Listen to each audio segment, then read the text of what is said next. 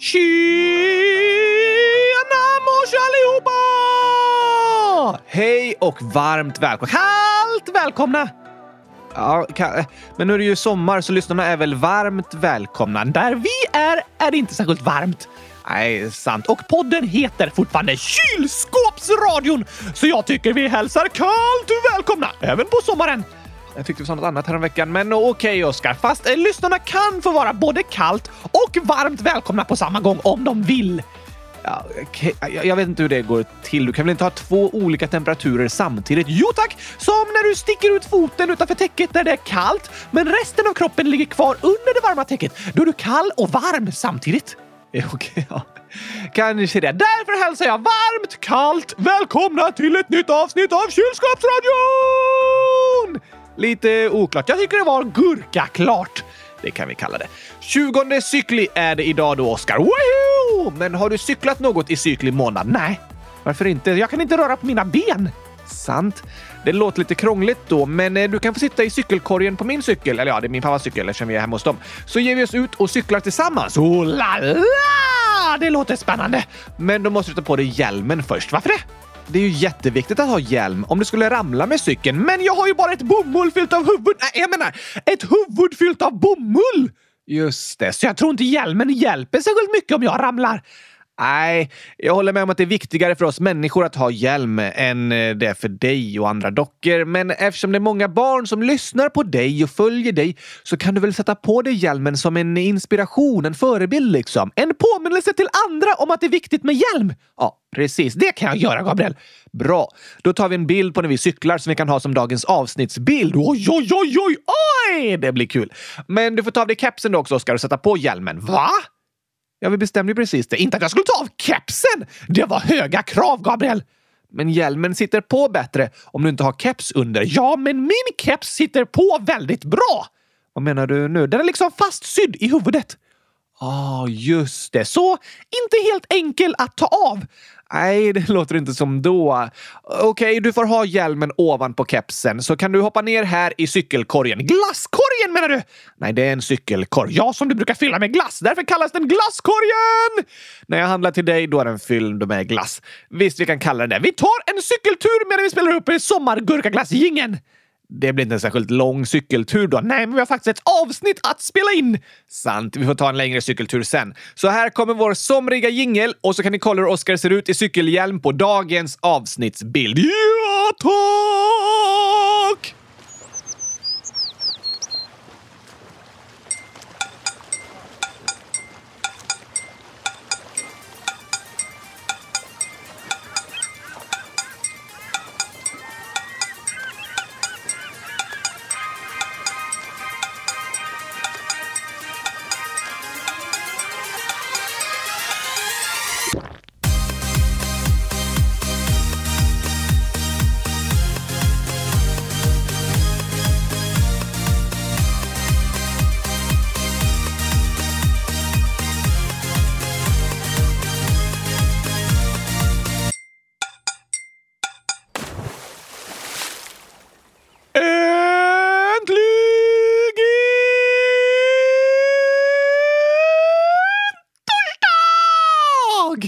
Och äntligen avsnitt 100 376 av Kylskåpsradion. Och äntligen har jag cyklat i cyklig månad! Det har du gjort. Väldigt passande, eller hur? Men idag har vi mycket att göra, Oskar. Gurkaglass? Eh, kanske det. Du får ta och berätta någon glassfakta så småningom i alla fall. Jag måste försöka hitta något med gurkaglass. Lycka till med det. Men först ska vi berätta svaret på gåtan du ställde förra veckan. Just det! Förra torsdagen lärde vi oss hur vi kan skriva egna gåtor. Det var tokiga tips, väldigt tokiga och användbara. Och då skrev du en egen gåta som lyssnarna har fått gissa svaret på i en vecka nu. Så här var den! Vad är det för likhet mellan farmor, en geting och Oscar i chokladfabriken? Precis. Väldigt klurig. Det håller jag med om. Är det någon som har lyckats lista ut rätt svar? Vi har fått många gissningar, så vi läser upp dem så får du berätta sen om någon har haft rätt. Okej! Okay. Roblox Pro and the Cucumber and Baboons and Sausage. 100 000 år skriver. Jag tror att Oscars gåta är alla är sura. Ja, jag är inte glad i chokladfabriken i alla fall. Nej. Semla och choklad. 100 000 gurkenium. Wow! Min gissning på gåtan. Jag tror att svaret är att alla vill springa. För att farmor vill springa och ha kul men är gammal. Getingen vill också men kan bara flyga. Och Oskar vill springa för han är rädd för all choklad. Ja, det är jag!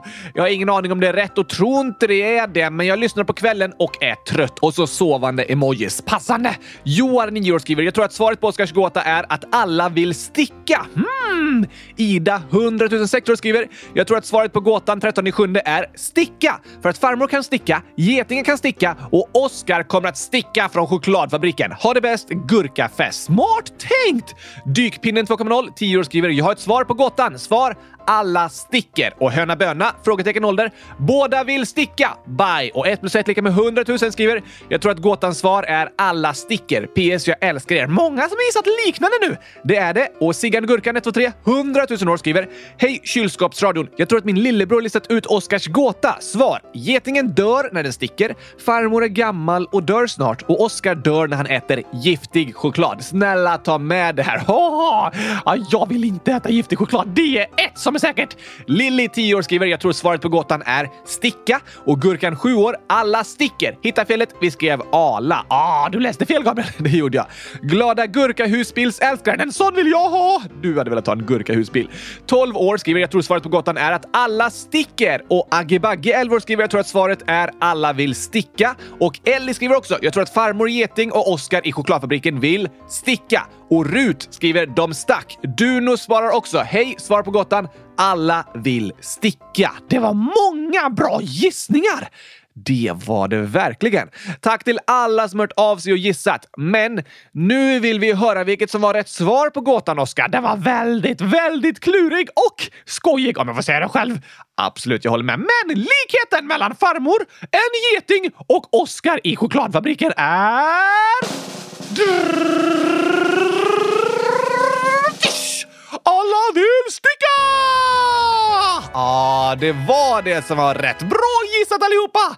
Det var många som lyckades lista ut vad du tänkte på. Alltså, om jag är i chokladfabriken vill jag verkligen sticka! Du vill sticka en tröja? Nej, jag vill sticka! Vill du sticka hål på en förpackning så det rinner ut choklad? Nej! Jag vill sticka därifrån! Ah, såklart. Men farmor ville sticka en tröja och getingen ville sticka dig. Det var det som var likheten. Samma ord betyder tre olika saker. Ja, visst är det tokigt? Ja tack, men väldigt användbart för gåtor. Precis. Ord med flera betydelser passar bra att använda i gåtor. Lycka till med att skriva era egna gåtor! Hoppas det går bra för er. Ni kan lyssna på avsnitt 100 374 om ni vill höra tipsen på hur en skriver sina egna gåtor igen. Just det! Men på tal om det här med tidigare avsnitt så pratade vi ju om Sydafrika i måndags, Oskar. Det var spännande! Ett väldigt spännande land på många sätt. Och kommer du ihåg att jag berättade om Nelson Mandela, Sydafrikas första president efter att det hade blivit en demokrati och hela befolkningen hade fått rösträtt? Ja, precis. Han blev president 1994. Han var en av ledarna för kampen mot apartheidregimen och ledde demokratiseringen av Sydafrika. Och han har därför blivit en internationell symbol för landet och inte bara en uppskattad förebild i Sydafrika utan i hela Afrika. Ja, över hela världen faktiskt. Lever han fortfarande? Nej, han dog år 2013 när han var 95 år gammal. Det var gammalt! Väldigt gammalt. Och han hade haft ett otroligt händelserikt liv under vilket hans land förändrats otroligt mycket. Han satt många år i fängelse också. Ja, precis. Det pratade vi om i måndags. Men det jag aldrig nämnde då var hans födelsedag som var i förrgår, den 18 juli. Va? Grattis i efterskott! Grattis! Och eftersom han är en stor internationell förebild för kampen för mänskliga rättigheter och kampen mot rasism och diskriminering så har FN utlyst internationella Nelson Mandela-dagen den 18 juli. En dag uppkallad efter honom. Ja, precis. Det är en dag för att hedra Mandela och hans gärningar genom att utföra välgörenhetsarbete. Vad menar du? Jo, Eftersom Nelson Mandela kämpade i 67 år för social rättvisa så firas Nelson Mandela-dagen genom att folk genomför välgörenhetsarbete i 67 minuter. Aha! Ett passande sätt att fira hans minne, eller hur? Men vad är välgörenhet egentligen? Det är ett ord som betyder att göra väl. Du menar att göra gurkaglass? Nej, eller du kan ju göra gurkaglass och dela ut till människor som är ledsna eller sitter hemma ensamma på sommaren. Då blir de glada! Absolut. Och det kan kallas välgörenhet, att göra väl. Så att göra något snällt för någon annan är välgörenhet. Precis. Och det finns många välgörenhetsorganisationer som finns till för att hjälpa människor som behöver det. Frälsningsarmén, som vi jobbar för med att producera kylskåpsradion, är en av världens största välgörenhetsorganisationer som driver socialt arbete och hjälper människor som är utsatta på olika sätt. Till exempel genom att dela ut mat till de som inte har råd att köpa det de behöver, att erbjuda någonstans att bo för de som är hemlösa, hjälpa de som blivit utnyttjade på olika sätt och besöka de som är ensamma och även anordna läger för barn. Är kylskåpsradion en slags välgörenhet? Um, ja, kan man säga. Den här podden följer Frälsningsarméns grundläggande idé om välgörenhet. Det är ju inte en podd som handlar om något vi försöker sälja eller något vi försöker tjäna pengar på, utan den har som mål att svara på barns frågor och stötta de som har det jobbigt och ta upp viktiga ämnen. Och prata om gurkaglass! Det är ett av dina främsta mål i alla fall. Gurkaglass är välgörenhet. Du menar att det gör en väl? Ja tack! Absolut. Jag vet inte om det kan kallas välgörenhet om jag köper gurkaglass till mig själv. Men gurkaglass kan som sagt användas till att göra andra människor glada. Och att dela med sig av glass kan vara ett sätt att bry sig om andra. Och det kan ju kallas för välgörenhet. Just det! Så på internationella Nelson Mandela-dagen hedras Mandelas minne genom att människor genomför välgörenhetsarbete i 67 minuter för att minnas de 67 år som han kämpade för mänskliga rättigheter och människors lika värde i Sydafrika. Måste det vara exakt 67 minuter? Nej då, men det firandet är liksom ett sätt att uppmuntra människor att fortsätta ge vidare och stötta andra genom välgörenhet. Det är fint! Ja, jag tror att vi kan göra världen till en bättre plats för alla människor om vi väljer att hjälpa varandra. Men Gabriel, jag har funderat på en sak du pratade om i måndags. Har det något med gurkaglass att göra? Nej, faktiskt inte. Oj! Chockerande. Jag blir också chockad om jag ska vara ärlig. Vad har du funderat på då, Oscar? I måndags berättade du om det fruktansvärda apartheidsystemet i Sydafrika som delade upp människor i olika grupper och gav dem olika rättigheter beroende på deras hudfärg och bakgrund. Just det. Och det var många andra länder som var emot det systemet och kritiserade Sydafrika för apartheidsystemet. Precis, men fanns det ingen diskriminering och rasism i de andra länderna? De som kritiserade Sydafrika? Jo, Tyvärr gjorde det det. Vad var det för skillnad då på diskriminering och diskriminering? Det där är en väldigt viktig fråga du ställer, Oskar. Jag ställer alltid viktiga frågor. Oftast om gurkor, men ibland om andra saker också. Absolut. Och det är ingen skillnad på diskriminering och diskriminering som du frågade. Det är alltid något fruktansvärt och något väldigt allvarligt. Okej? Okay? Men första steget för att bekämpa rasism och diskriminering är att göra det olagligt. Vad menar du? Genom historien så har det i alla länder funnits lagar och regler som gjort skillnad mellan människor och gett dem olika rättigheter beroende på vilka de är. Det kan vara kopplat till hudfärg, religion, folkgrupp, kön, funktionsnedsättning och så vidare. Som att kvinnor inte fick rösta. Det är ett exempel på diskriminering som är baserat på om du är kvinna eller man. Inte okej! Okay. Nej, det är verkligen inte okej. Okay. Så när länder i början av 1900-talet började bli demokratier så var ett viktigt steg att ge kvinnor rösträtt. Det är ett sätt att visa att alla är lika mycket värda. Precis. Men det fanns även andra lagar som begränsade vilka som fick rösta. Till exempel baserat på vilken hudfärg du hade eller om du hade en funktionsnedsättning. Oj då! Så att ge alla vuxna människor rösträtt var ett steg i att skapa laglig jämställdhet och jämlikhet. Idag i Sverige är det förbjudet enligt lagen att diskriminera någon. Du menar att det är förbjudet att ge en person ett lägre betyg eller säga att den inte får ett särskilt jobb på grund av att den är tjej eller har en viss hårfärg? Precis. Det är sådant som inte har med saken att göra. Och om kön, etnisk tillhörighet, sexuell läggning, könsöverskridande identitet, religion, funktionsnedsättning eller ålder påverkar om du får ett särskilt jobb eller hur du behandlas i skolan så är det diskriminering. Det är de sju diskrimineringsgrunderna som finns i Sverige som det kallas. Så om jag är nio år och går till sjukhuset och säger “Jag vill ha jobb som läkare!” men så får jag inte det. Är det diskriminering då på grund av min ålder? Nej, för att få det jobbet så måste du ju vara utbildad till läkare. Och för att gå den utbildningen måste du först gå ut grundskolan och sen gymnasiet och sen ha tillräckligt bra betyg för att komma in på läkarutbildningen på universitetet och sen bli godkänd i alla kurserna där. Så du på pappret är läkare, formellt liksom. Aha! Men om jag klarat läkarutbildningen och söker ett jobb på sjukhuset, men så säger de nej, vi vill inte att någon som heter Oskar med Å jobbar här. Då är det diskriminering. Ja, det är det. För vilket namn du har har inget med saken att göra. Det som spelar roll är om du är tillräckligt duktig på ditt jobb och är tillräckligt kvalificerad för att få jobba som läkare. Just det! Men det är i det här exemplet som nästa problem med diskriminering kommer in. Vad då menar du? I Sverige står det i lagen att alla människor är jämställda och jämlika och det är olagligt med diskriminering. Just det! Men bara för att det står så i lagen betyder det inte att det automatiskt blir så i verkligheten. Varför inte? Jo, om vi fortsätter med exemplet att bli läkare så kräver det ju en lång universitetsutbildning och i många länder kostar det väldigt mycket att utbilda sig på universitetet. Så då är det bara en viss grupp människor som har råd med det, vars föräldrar har tillräckligt mycket pengar för att betala för en dyr utbildning. Aha! Men i Sverige är det väl gratis att utbilda sig på universitetet och annan skola också? Ja, och det är för att det är betygen som ska avgöra om någon kommer in på universitetet, inte hur mycket pengar dina föräldrar har. Är det för att motverka diskriminering? Det kan man säga, ja. Men även med gratis utbildning i Sverige så är det svårt att ta sig igenom en lång universitetsutbildning. Det kan vara dyrt att flytta till en ny plats och svårt att hitta någonstans att bo och att försörja sig under studietiden och så. Aha! Och det gör att vissa inte har möjlighet att studera på universitetet fastän de skulle vilja. Ett annat problem kan vara kvaliteten på grundskolorna.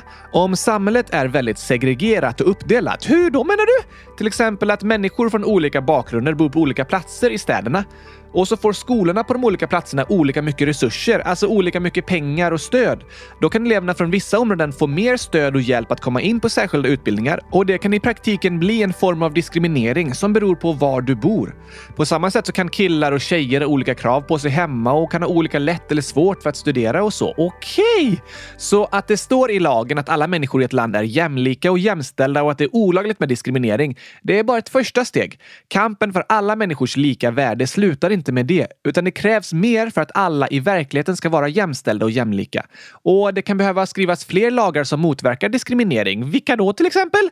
Det kan handla om hur pengar och platser till skolor fördelas, om stöd och anpassning så att till exempel personer som är blinda också får möjlighet att rösta och lagar om hur det väljs vem som får ett särskilt jobb och vem som får en lägenhet och så. Det handlar även om vilka som är representerade politiskt och hur information sprids till alla delar av samhället för att motverka diskriminering. Precis så. Apartheidsystemet var ett fruktansvärt system för att det stod i lagen att människor var olika och att det var lagligt att diskriminera människor. Just det. Och det var det andra länder kritiserade. Men att göra diskriminering olagligt är bara ett första steg. Det är en lång väg kvar för att skapa ett samhälle utan diskriminering, rasism och ojämställdhet. Ja, precis Oskar. Och att motverka rasism och diskriminering handlar om hur vi behandlar varandra som medmänniskor. Att vi respekterar varandra, lyssnar på varandras olika perspektiv och försöker förstå varandra. Ja tack! Men att alla människor är lika inför lagen, det är ett viktigt första steg. Annars är det svårt att kämpa mot diskriminering. Ja, så länge diskriminering är lagligt är det svårt att bekämpa och motverka. Men har du något inspirerande citat från Nelson Mandela att reflektera över? Absolut, han sa väldigt mycket klokt. Till exempel pratade han om motgångar och misslyckanden. Det pratar vi mycket om här i podden. Det brukar vi göra. Och Mandela sa så här. Den största glädjen i livet ligger inte i att aldrig falla, utan i att resa sig varje gång vi faller. Du menar att vi alla misslyckas och har motgångar? Men det är så det kommer vara i livet. Så det viktiga är inte att tänka att vi aldrig kommer att misslyckas, utan att fokusera på att hitta sätt att gå vidare även om vi misslyckas ibland. Precis. Alla misslyckas vi ibland och det är helt okej. Okay. Alla världens bästa fotbollsspelare har någon gång missat en straff. Absolut. De har missat många gånger. Men som Mandela säger är inte målet och den största glädjen att aldrig misslyckas, utan den största glädjen är att resa sig och komma tillbaka efter ett misslyckande. Kloka ord! Verkligen. Och ett annat vackert citat är jag lärde mig att mod inte var frånvaro av rädsla, utan triumfen över den. En modig person är inte den som inte är rädd, utan den som övervinner rädslan. Aha! Det brukar vi också prata om här i podden, Gabriel. Att alla människor är nervösa och även rädda. Så att vara modig handlar inte om att aldrig vara rädd, utan att övervinna rädslan och våga utmana sig själv och testa sånt som kan kännas lite läskigt. Precis. Mod är inte att aldrig vara rädd, Mod är att våga utmana sig själv trots att den kan känna sig rädd och nervös. Det var två fina citat tycker jag. Hoppfulla och uppmuntrande. Särskilt om man känner att den har en lite jobbig dag. Det håller jag med om. Det är två citat som beskriver väl hur det är att vara människa. Men eh, tror du Nelson Mandela tyckte om skämt? Det vet jag att han gjorde. Då passar det med dagens skämt nu! Det tycker jag också, Oscar. Glad Nelson Mandela-dag allihopa.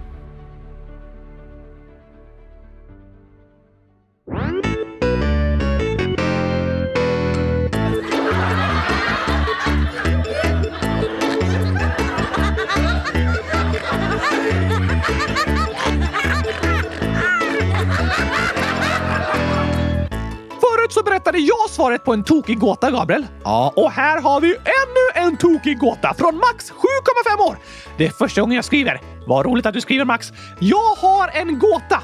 Vad är det för likhet mellan en ren och en mördarsnigel? En ren och en mördarsnigel? Ja, tack! Oj! Ho, den var verkligen klurig och tokig. Och tokig också, okej. Okay. Vad kan det vara för någon tokig likhet då? Eh, någonting med att eh, mördarsnigeln blivit tvättad med vattenslangen så den är ren? Nej tack! Hey, eh, har det något med mördarsnigeln att den har blivit ren att göra? Nej, inte direkt. Nej, okej. Okay. Då har jag ingen aning, Oskar. Vad är det egentligen för likhet mellan en mördarsnigel och en ren? Svaret är båda gillar tomten. Alltså.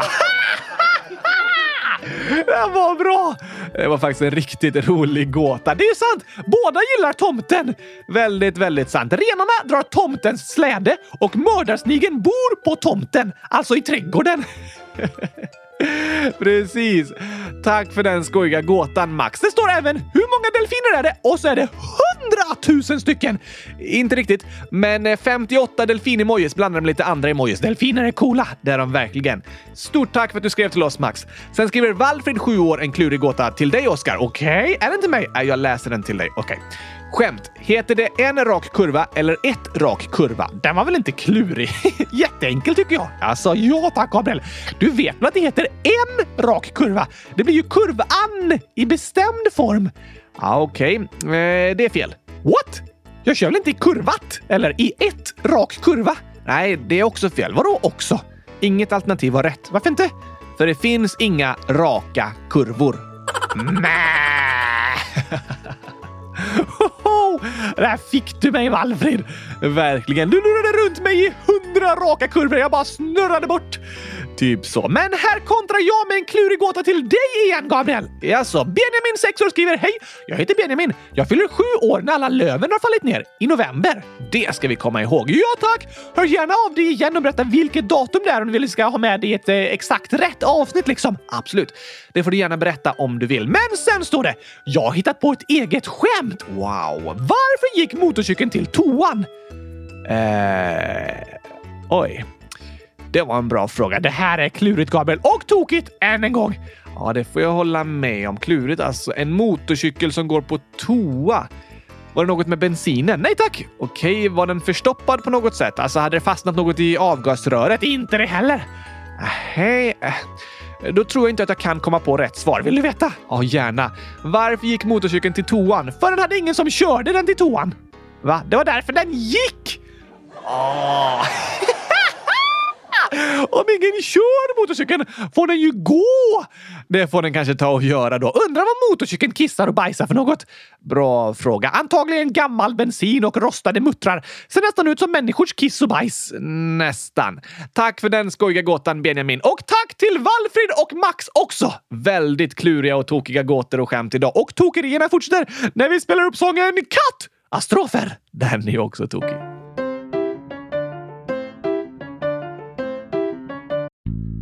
Det här är strofer om en katt som spelar massa spratt och skapar massa skratt. Och vet du att katten ändå satt i sin katedral och lite hungrig var så hon åt en gitarr och blev stämd. Katten åt ett fönster och såg bra ut. Katten åt en lampa lös i magen så hon åt lite honung men fick biverkningar. Katten funderade och hade misstankar. Hon sökte efter restauranger i telefon Kattalogen Någonstans kanske finns mat som ej ger magkattar. Men då måste de vara i en annan kategori. Så katten åt en stekpanna men började fräsa. Åt ett batteri men gjorde volt. Hon åt en insekt och fick fjärilar i magen så då åt hon en mus. Och Va? Vad händer här? Katten åt en mus, Oskar. Ja, men varför funkar inte programmet? För när katten åt en mus fick den datorkrångel. Just det! Spy upp musen igen, katten! Vi måste fortsätta här! Katten åt ett ljus och blev en lussekatt. Katten åt ett hjul och blev däckad. Katten åt en sko och fick sparken. Katten åt en tagare och fick kull. Katten åt en bil, blev ivägkörd och till sist åt katten en linjal och blev mätt. Var är det sista? Nej förresten, det är inte tillräckligt. Ehm. Det sista som hände av alla kattastrofer var att katten åt ett elskåp och blev proppmätt. Kommer du ihåg vad det mer var vi skulle prata om idag, Oskar? Äh, det måste vara gurkaglass. Nej, nej. När ska vi prata om det då? Det gör du redan typ hela tiden. Men Jakob, 9 år, skriver Hej! Kan ni ha vad händer och fötter? Och Harriet skriver Ni borde ha mer vad händer och fötter. Och Jona, 11 år, skriver Hej! Kan ni ha vad händer och fötter två gånger i månaden? Första och andra veckan. Hej, hej! Bra förslag! Eller hur? Det är roligt att ni tycker om att höra om nyheter och lära er mer om vad som händer i världen. Kanske att vi kan försöka ha med vad händer och fötter lite mer regelbundet igen under hösten. Ja tack! Och om ni har särskilda händelser som ni kanske hört om på nyheterna som ni vill att vi ska prata om, så skriv det i frågelådan. Gör det, så pratar vi om det som ni undrar över och tycker är intressant. Och vi fick ett förslag för ett tag sedan från en trött koala som skrev Hej kylskåpsradion! Kan ni prata om det som hände med Jetline på Gröna Lund? Snälla, snälla, PS, ni är bäst. Åh, det var ett bra förslag! Verkligen. Nu var det ett tag sedan olyckan inträffade, men det är ändå något viktigt att prata om. Så vi drar igång dagens Vad händer och fötter!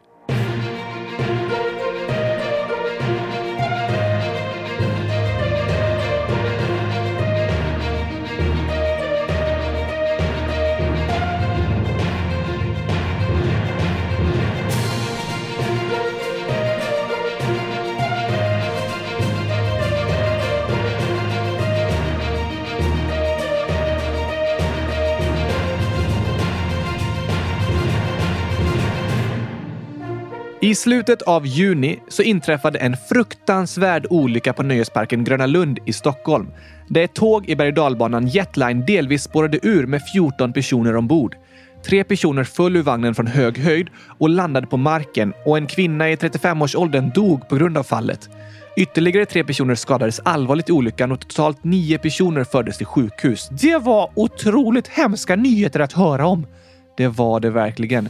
Jag minns chocken den dagen. Och det var tusentals människor på Gröna Lund den dagen och många svenskar är på den nöjesparken varje år. Så att plötsligt få höra om en dödsolycka där kom som en stor chock och blev ett trauma för många människor.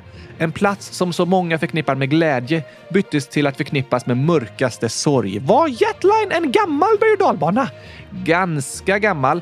Den öppnade första gången år 1988 och renoverades och gjordes om 1997. Hur gamla kan berg och dalbanor bli innan de måste plockas ner? Det beror på helt hur väl de tas om hand om. Det finns många berg och dalbanor världen över som är mycket äldre än Jetline och som det aldrig har varit någon olycka med. Men hur kunde det hända den här gången då? Det är det ingen som riktigt vet. Berg och dalbanor kontrolleras noggrant och besiktigas regelbundet. Besiktigas? En besiktning är en kontroll för att kolla att allting fungerar och att inget är trasigt. Till exempel besiktigas gamla bilar varje år för att kontrollera så att bromsarna fungerar som de ska och så vidare. Aha, vad bra! Det är superbra. Hade de på Gröna Lund fuskat med besiktningen? Nej, det ska egentligen inte gå att fuska med den. För det är inte nöjesparken själv som besiktigar sina åkattraktioner. På samma sätt som det inte är jag själv som besiktigar min bil. För om jag skulle göra det själv kanske jag skulle säga att men den funkar finfint, även om den inte gör det, bara för att jag inte vill betala för, en, för att laga den. Så det är viktigt att det är någon annan som utför besiktningen. Okej! Okay. Och i Gröna Lunds fall utfördes den årliga besiktningen av Jetline av ett särskilt besiktningsföretag i början av juni, tre veckor före olyckan. Upptäckte de några fel? Inga alls. Och utöver det externa besiktningsföretaget så gör Gröna Lund själva kontroller av sina åkattraktioner också, varje dag, för att garantera besökarnas säkerhet. Men hur kunde det hända en olycka den här gången då? Det är det ingen som riktigt vet än. En statlig myndighet har startat en utredning för att ta reda på vad det var som gick fel och om det är någon som är skyldig och måste ställas inför rätta för olyckan. Aha, hur lång tid kommer den ta? Det kan nog ta upp ett år innan den utredningen har kommit fram till något. Så tills vidare är Jetline stängd, men den får inte monteras ner innan utredningen är färdig. Okej, okay. är det farligt att åka berg och dalbanor?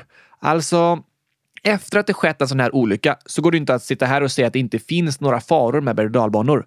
Det är höga höjder och höga hastigheter, men det som hände var en väldigt ovanlig olycka och olyckor kan hända var som helst. Det är sant! Statistiskt sett är det farligare att åka bil än att åka berg och dalbana. Det sker fler olyckor i trafiken än på nöjesparker. Aha, är det farligt att åka bil? Nej, det är väldigt liten chans att en olycka händer där också. Men det är viktigt att ha respekt för trafiken och ta den på allvar, allvar, för det är höga hastigheter som det handlar om där också. Så om du är bilist är det bra att inte köra om du är trött och om du är passagerare är det jätteviktigt att ta på sig säkerhetsbältet. Och om du är cyklist och promenerar nära bilar är det också viktigt att ha respekt för trafiken och ta den på allvar och vara noggrann och försiktig. För det är hög fart och allvarliga olyckor kan hända om folk inte är försiktiga. Det känns läskigare att åka en berg och dalbana än att åka bil. Absolut. Berg och dalbanor är ju designade för att vara läskiga att åka i. Det är det som är spännande och roligt. Men de kontrolleras noggrant och det är väldigt, väldigt liten chans att en liknande olycka som den med Jetline kommer hända igen. Jag skulle snarare tro att risken är ännu mindre nu för en liknande olycka. För kontrollerna kommer göras ännu noggrannare och kanske kommer även lagar och regler ändras för att öka säkerheten på nöjesparker ännu mer. Det låter bra i alla fall! Ja, eller hur? Så om det är någon av er som lyssnar som ska på en nöjespark i sommar så hoppas jag att ni ska ha det jätteroligt och kunna njuta av den dagen utan någon oro. Det hoppas jag också! Ha det bäst i test! Det önskar vi er. Tack för din fråga, den trötta koalan. Den var väldigt bra och viktig. Fler nyheter! Ja, något som det pratas väldigt mycket om för tillfället är extremhettan i Europa. Jag tycker inte det har varit så varmt. I och för sig bor jag i ett kylskåp, men även utomhus har det varit ganska svalt. Ja, det har varit en kall och regnig vecka i Borås där vi är för tillfället. Början av sommaren då var det ju varmare i Sverige när stora delar av landet drabbades av torka. Just det! Men i södra Europa och även på andra platser på jorden så är det just nu en värmebölja som orsakar extrem hetta och flera värmerekord har slagits. Oj då! Värmeböljan i Europa har fått namnet Kerberos som är ett trehövdat hundmonster i grekisk mytologi. Har de gett namn på värmen? Ja, ungefär som vi brukar namnge en storm i Sverige så kan en värmebölja få ett namn.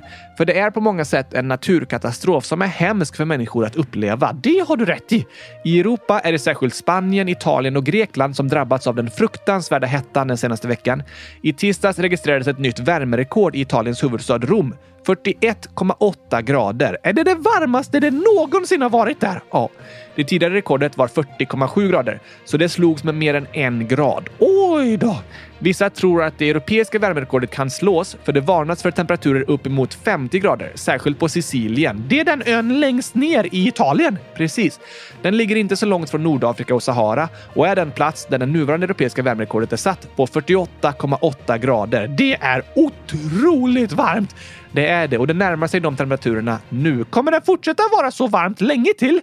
Förhoppningsvis kommer den värsta hettan försvinna framåt helgen, men det väntar även en ny värmevåg nästa vecka som fått namnet Karon, som också är en mytologisk figur. Oj då! Och även i Kina har det slagits värmerekord där temperaturen 52,2 grader uppmätts och i staden Phoenix i södra USA har det varit över 43 grader i 19 dagar i sträck. Det är ett nytt rekord för ihållande värme i en av USAs största städer. Så det är väldigt varmt på många delar av jorden för tillfället. Ja, fruktansvärt varmt, vilket är väldigt jobbigt och farligt att leva i. Beror det på klimatförändringarna? De flesta experter kopplar ihop ökade temperaturer med klimatförändringarna. Oj då! Men det är ju väldigt positivt i alla fall om extremhettan i år kan göra att fler förstår vad som håller på att hända med klimatet så att fler saker förändras snarast. Det vore bra! Men kommer det fortsätta bli så här varmare och varmare för varje år? Ja, det är extremt varmt i år och det är något ganska unikt, säger en professor i meteorologi som jag läser om i Dagens Nyheter. Anna, som hon heter, säger att det är värmeböljor i delar av Europa med jämna mellanrum. Det är inget konstigt. Det har varit så genom åren. Men att det är så extremt som i år, det är ganska ovanligt. Det brukar pågå under några veckor, men det är inte troligt att det kommer fortgå under hela sommaren. Okej! Okay. Och att det är så extremt varmt i år är troligen en kombination av klimatförändringar och ett väderfenomen som kallas El Niño. Vad betyder det? Det? Det betyder pojken på spanska. Varför heter ett väderfenomen eh, pojken? För det brukar starta vid jul, så det är döpt efter Jesusbarnet. Aha! Men det är ju inte jul nu! Nej, men El Niño håller i sig i ungefär ett år och är ett av de kraftfullaste naturfenomen som existerar. Vad är det för något då? Det är lite klurigt att förklara, men har att göra med vindar och havsströmmar i Indiska oceanen och Stilla havet. Och under El Niño-perioder stiger hela jordens medeltemperatur. Okej, okay. så det är också något som kan göra att det är extra varmt i år? Det påverkar antagligen också i kombination med klimatförändringarna. När man får höra om så fruktansvärt varmt väder på andra platser känns det faktiskt det är inte lika tråkigt att det varit lite kallt i Borås den här veckan. Nej, det håller jag med om. För egen del har det varit ganska skönt. Jag är rätt glad över att vara hemma i Sverige nästan hela den här sommaren. Ja, tack! Men eh, för en månad sedan skrev även Anonym Minona kan ni ha Vad händer och fötter om översvämningarna i Cherson? Och Stig, 5 år, skriver Jag undrar om ni kan ha ett avsnitt om kriget i Ukraina? Och Agi Bagi 10,5 år, skriver Hur går det för Ukraina? PS.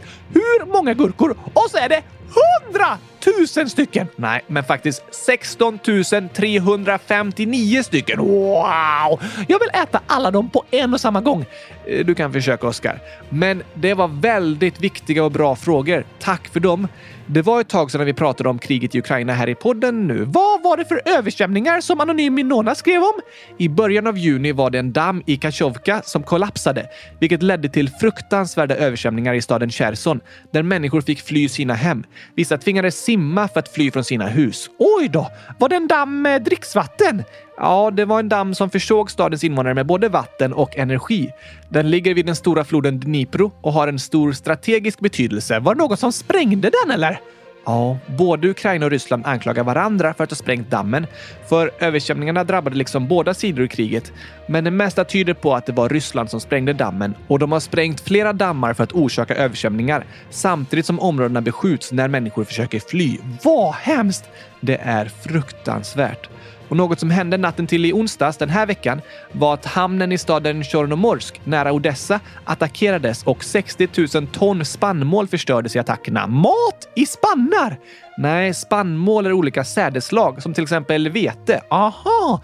Det odlas jättemycket vete i Ukraina som är en av världens största veteexportörer, vilket även Ryssland är. Så att Ukrainas export har attackerats gör att landet förlorar inkomster och pengar, men också att matpriserna i hela världen kan påverkas och människor i andra länder som lever i fattigdom kan drabbas av hungersnöd. Oj då!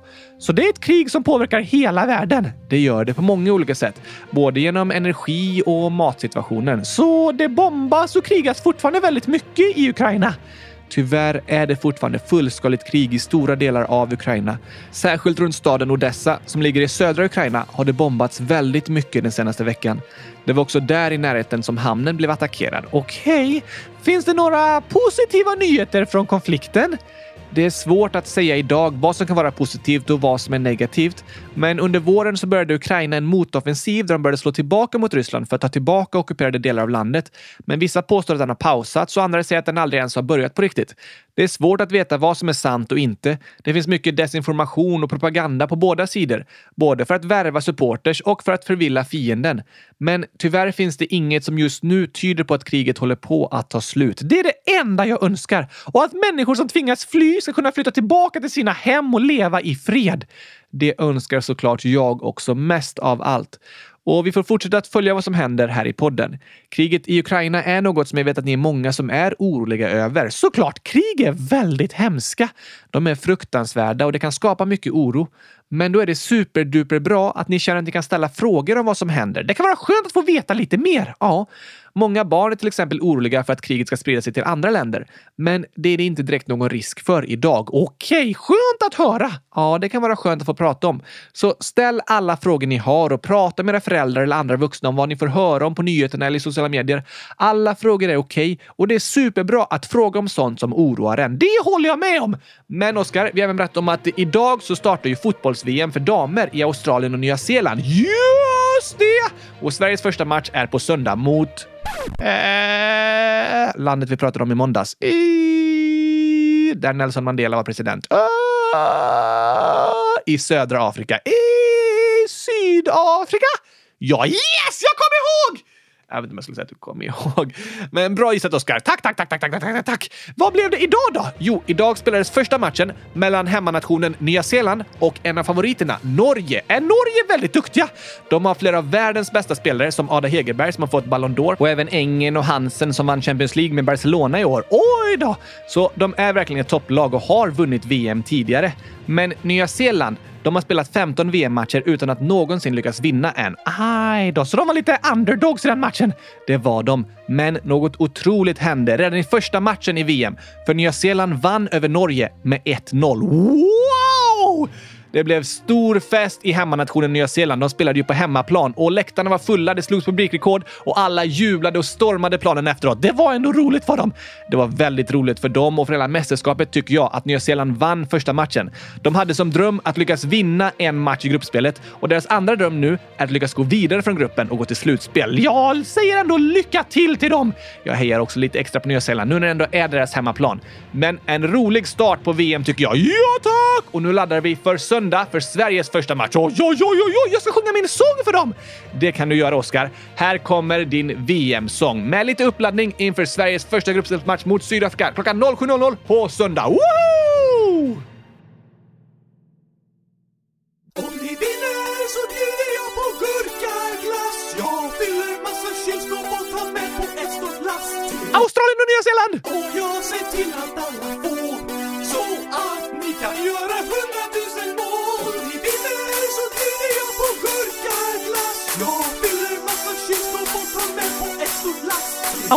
Nya Zeeland!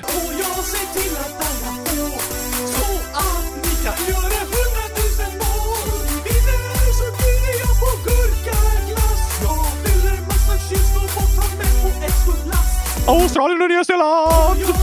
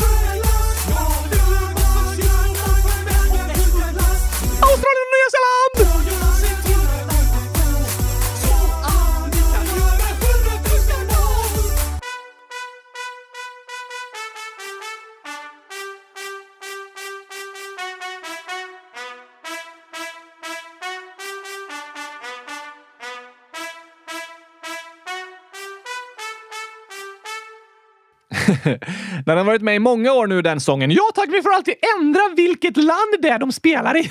Precis. Idag var det lite tight att få med både Australien och Nya Zeeland i den lilla luckan som vi det tidigare landet var. Det var klurigt. Men du fick till det bra, Oskar. Jag sa så snabbt jag kan. Jag kan prata ganska fort. Du kan prata otroligt fort. Ibland får vi försöka lugna ner dig lite. Det går inte så bra. Tyvärr inte. Men nu, Gabriel, efter att vi haft lite vad händer och fötter tycker jag vi får ta lite glassfakta innan vi avslutar dagens avsnitt. Det låter bra tycker jag. För har du hört talas om Alexander den store? Absolut. Han var kung över det antika kungariket Makedonien på 300-talet före Kristus. Ja tack! Vet du varför han var så stor? Eh, ja, alltså han anses som en av historiens främsta fältherrar och erövrade Persien och Egypten. Och det gjorde så att grekiska språket och kulturen spred sig ända bort till Indien. Ja, det också. Men främst var det för att han åt så mycket glass. Va? Ja, tack. Eh, det här låter som en historielektion som du har hittat på, Oskar. Fanns det ens glass på Alexander den stores tid 2300 år sedan? Självklart! Vissa historiker kallar honom till och med för en ice cream addict. Oj då, att han var typ beroende av glass. Som jag! Ja, det kan du kallas. Eh, fast det är inte direkt att eh, det är beroende, utan ni äter så mycket glass för att ni tycker det är så gott. Precis. Men hur åt han glass när det inte fanns en frys? Han åt smaksatt snö och is. Oj då, hans favoritsmak var honung och nektar. Smaksatt snö. Otroligt ju! För 2300 år sedan! Wow! Det hade jag ingen aning om. Om du läser om glassens historia så nämns alltid Alexander den store. Han tyckte inte om värmen runt Medelhavet och svalkade sig därför med smaksatt snö och is. Hur fick han tag på den? Oftast eh, var det slavar som fraktade snö och is ner från bergstopparna och från grottor. Eh, så den delen av glasshistorien är lite hemsk, sant? Men väldigt intressant ändå att Alexander den store tyckte om glass, antagligen med gurkasmak. Det står väl inte någonstans. Jag tror bara den pergamentsrullen har försvunnit. Jag är ganska säker på att han älskade det. Men det är bara honung och nektar som alla pratar om idag, för den andra delen av historien har liksom eh, försvunnit i mängden. Eh, kanske att han gillade gurkaglass. Jag är tveksam. Men väldigt intressant fakta i alla fall. Ja, tack! Och med det så ska vi avsluta dagens avsnitt. Har vi inga födelsedagshälsningar? Jo, självklart.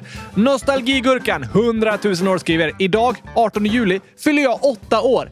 Detta är första gången jag skriver till kylskåpsradion. Kan ni gratta mig och massor av gurka-emojis? Ja, ja, ja, ja, ja, ja, ja, ja, ja, tack!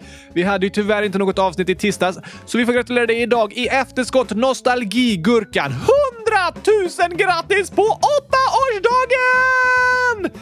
Vi hoppas du hade en mega supergigantiskt bra födelsedag och fortfarande är mätt av all gurkaglass du ätit. Precis, det hoppas vi. Eller något annat gott. Så roligt att du skriver i frågelådan. Hör gärna av dig igen. Gör gärna det och kom ihåg att du är bäst i test. Det vill vi hälsa till dig. Sen skriver Noah och Elis 100 000 år. Min lillebror undrar om ni kan skapa ett fotbollsspel på er hemsida. PS. Allt ni gör är så bra. PS. PS. Kan ni gratta mig 22 juli? Jag fyller 10 år. PS. PS. PS. Min pappas kompis jobbar med er hemsida. Hej då! PS. Hitta två fel och så är det massor av gurkor. Oh! Och fotbollar. Oh! pokaler, en basketboll, en choklad och en broccoli. Aj, aj, aj! Alltså, jag väljer i alla fall gurkorna före chokladen och broccolin och fotbollen. Fast den här veckan är jag fotbollsintresserad när Sverige spelar i VM. Fast jag vill inte spela själv, för då är det för stor chans att jag tappar benen. Eller för stor risk kan man säga. Det är ju läskigt. Eh, bra idé med ett fotbollsspel på hemsidan dock. Ja, tack! Vi gör inte de spelen helt själva utan använder mallar som finns och lägger in vår egen information i de mallarna liksom. Så det beror på om det finns någon fotbollsmall som vi kan använda. Jag ska kolla på det. Gör det Gabriel! Men i alla fall vill vi passa på att säga grattis på födelsedagen på tioårsdagen! På lördag. Ja, ja, ja, ja, ja, tack! Hoppas det blir en dag fylld av gurkaglass och skratt och glädje. Kanske det, eller något annat gott. Att fylla tio år är fantastiskt. Det älskar jag att göra. Det är det enda du gör, Oskar. Eller hur? Men vad roligt att höra att ni båda tycker om att lyssna på podden Noah och Elis. Väldigt, väldigt roligt att höra. Och hundratusen grattis igen! Ha det bäst i test! Det önskar vi er och alla som lyssnar så hörs vi igen på måndag! Det ser jag fram emot. Jag längtar redan efter det avsnittet. Jag också faktiskt. Ha det bäst tills dess! Hoppas ni får en härlig sommarhelg, alla älskade lyssnare. Tack och hej! Alexander den store som käkar snö med smak av gurkapastej. hej då!